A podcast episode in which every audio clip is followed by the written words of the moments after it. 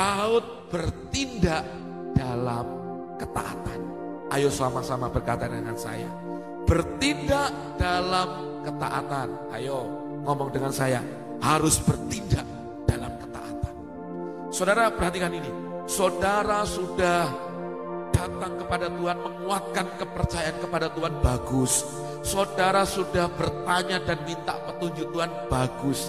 Tapi yang ketiga penentuannya, kalau saudara tidak bergerak juga dan tidak segera bergegas untuk melakukan itu, maka Anda ketika Anda berlambat-lambat, apa yang terjadi? Anda pun tidak bertindak dalam ketaatan. Tapi yang Daud lakukan ketika dia sudah bertanya, dia meminta petan petunjuk Tuhan dan Tuhan berkata, susulah mereka dapat kau susul. Daud dan rombongannya segera bergerak menyusul mereka. Ini bertindak dalam ketaatan, dalam keputusan yang sudah diambil. Nah ada banyak orang sudah lakukan dua hal dengan benar. Tapi akhirnya nggak bertindak-tindak, nggak melangkah-melangkah. Saudara kita itu generasi Yosua Maksudnya generasi Yosua apa? Kalau zaman Musa, Musa hanya perlu angkat tangan, tongkatnya diangkat, lalu yang terjadi adalah laut itu terbelah. Tetapi di zaman Yosua, maka para imam harus melangkahkan kaki dulu, baru sungai Yordan itu terbelah. Semuanya ada tantangan, tetapi ketika engkau sudah dengar apa kata firman, petunjuk Tuhan jelas dalam hidupmu, apa kata firman Tuhan, tuntunan Tuhan jelas dalam hidupmu, Anda perlu melangkah dalam ketaatan. Perhatikan, hidup dalam penyembahan adalah hidup dalam ketaatan. Hidup dalam penyembahan adalah hidup dalam ketaatan. Hidup dalam berkat Tuhan adalah hidup dalam ketaatan. Hidup dalam kebahagiaan, dalam semua yang baik adalah hidup dalam ketaatan. Nah sering kali bagian ketiga ini yang jadi masalah terbesar buat setiap orang percaya. Kenapa? Mereka sudah tahu Tuhan menuntun dia, tapi mereka tidak mau dituntun dan tidak mau bergerak. Nah saudara, Tuhan itu memberi kita kehendak bebas. Kalau saudara nggak bergerak, ya saudara yang rugi sendiri. Kalau saudara nggak melangkah-melangkah, Padahal Tuhan sudah menuntun engkau, engkau yang akan kehilangan berkat itu. Makanya firman dikatakan, firmanmu itu pelita bagi kakiku dan terang bagi jalanku. Kenapa dikatakan seperti itu? Pada zaman dahulu, saudara orang itu hanya pakai yang namanya pelita kecil, itu ditaruh dalam sepatunya. Sepatunya seperti ada tempat kecil, lalu ada sumbu yang bisa untuk dinyalakan api. Dan itu hanya menerangi hanya beberapa langkah ke depan, gak seperti lampu sorot. Mereka hanya perlu berjalan setapak demi setapak, berjalan dalam ketaatan firman. Saat saudara berjalan dalam ketaatan, saudara akan melihat apa yang dijanjikan Tuhan itu. Pasti terjadi, Anda menang dalam pergumulan yang menjepit Anda. Nah sering kali adalah kita ini gak iso taat. Kita ini sering kali kompromi, Seringkali kita berkata, ah Tuhan kan juga tahu Pak, saya gini gitu gini. Kan ada kasih karunia. Iya saya tahu. Justru ada kasih karunia Tuhan membuat engkau semakin taat dengan Tuhan. Iya. Saudara taat itu mahal nilainya. Saudara bisa berdoa berjam-jam. Tapi kalau saudara nggak taat dengan Tuhan. Untuk bertindak setelah apa yang Tuhan nyatakan dalam saudara. Semua itu akan jadi sia-sia. Saudara lihat orang-orang yang berjalan dalam ketaatan, hidupnya diangkat Tuhan. Saul saat dalam ketaatan, orang gagah perkasa, dipakai Tuhan, digerakkan Tuhan untuk mengikuti Saul. Saul jadi pahlawan luar biasa. Tapi ketika dia tidak taat, apa yang terjadi? Semua yang ada padanya terkoyak. Daud, orang yang tetap belajar taat kepada Tuhan. Sekalipun Daud tidak sempurna, tapi dia tetap orang yang mengingini Tuhan dan tetap mau berlaku, berubah Kita memang kita itu gak bisa 100% langsung. Tapi kita belajar untuk membangun itu dalam hidup kita. saat kita bertindak dalam ketaatan, saudara akan lihat semua yang dahsyat daripada Tuhan terjadi dan digenapi dalam hidup.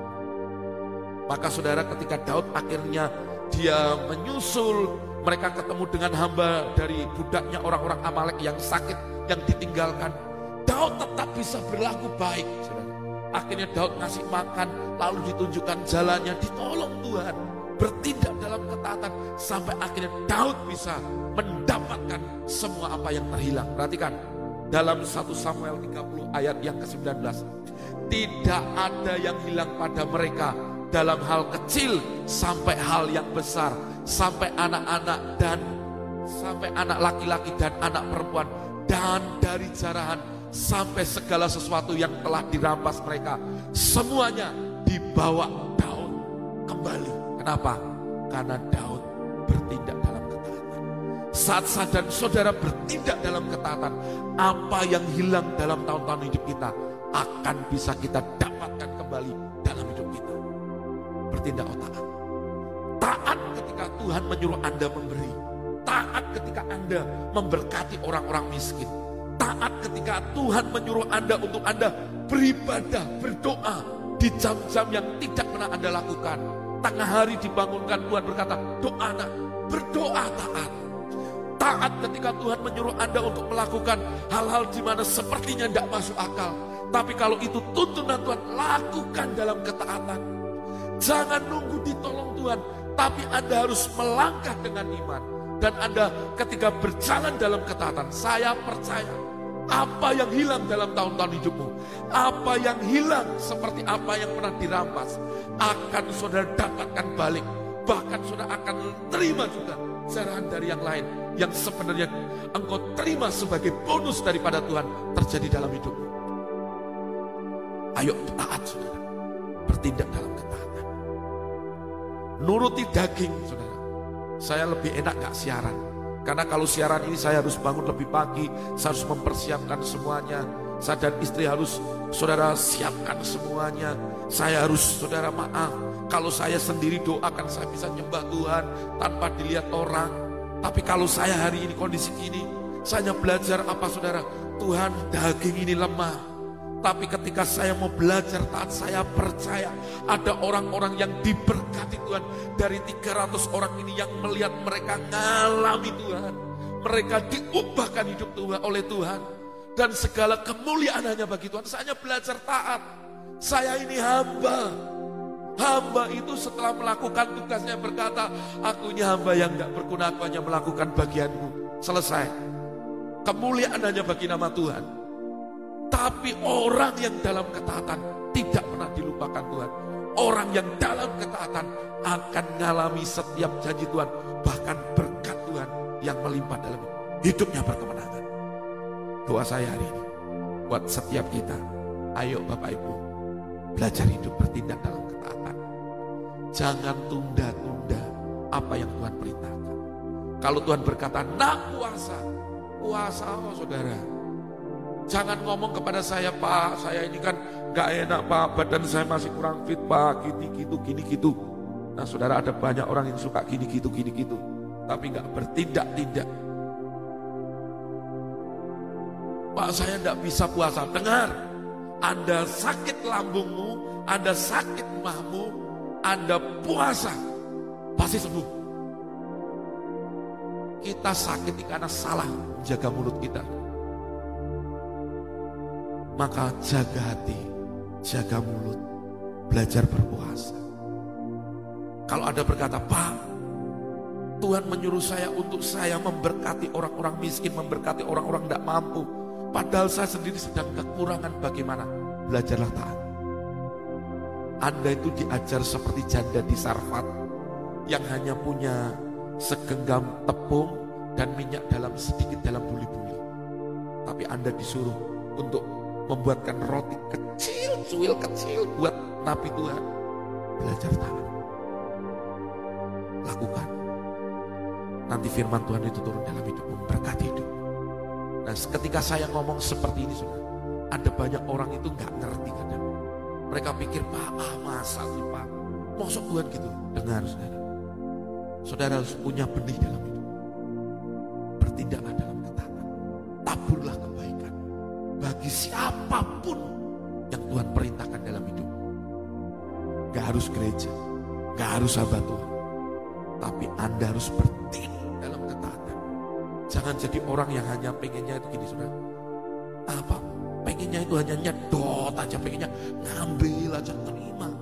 Tapi Anda harus lepaskan sesuatu. Maka Anda akan lihat, bertindak dalam ketaatan seperti yang Tuhan perintahkan akan membuat hidupmu berhasil. Tapi juga jangan bertindak kalau Tuhan gak suruh. Itu juga bahaya. Saudara karena emosi saudara langsung bertindak melakukan sesuatu. Jangan. Tapi saudara tahu ketika Anda menguatkan kepercayaan, Anda sudah bertanda dan minta petunjuk Tuhan yang ketika Anda bertindak hari dengan ketaatan. Karena Anda jelas dengar Tuhan lewat firmannya, lewat roh kudusnya menuntun Anda. Lakukan dalam ketaatan. Anda akan lihat kemenangan Anda dalam pergumulan yang saudara hadapi. Anda akan lebih daripada orang-orang yang menang. Saudara akan lihat hal-hal yang dahsyat terjadi. Saya sudah lihat.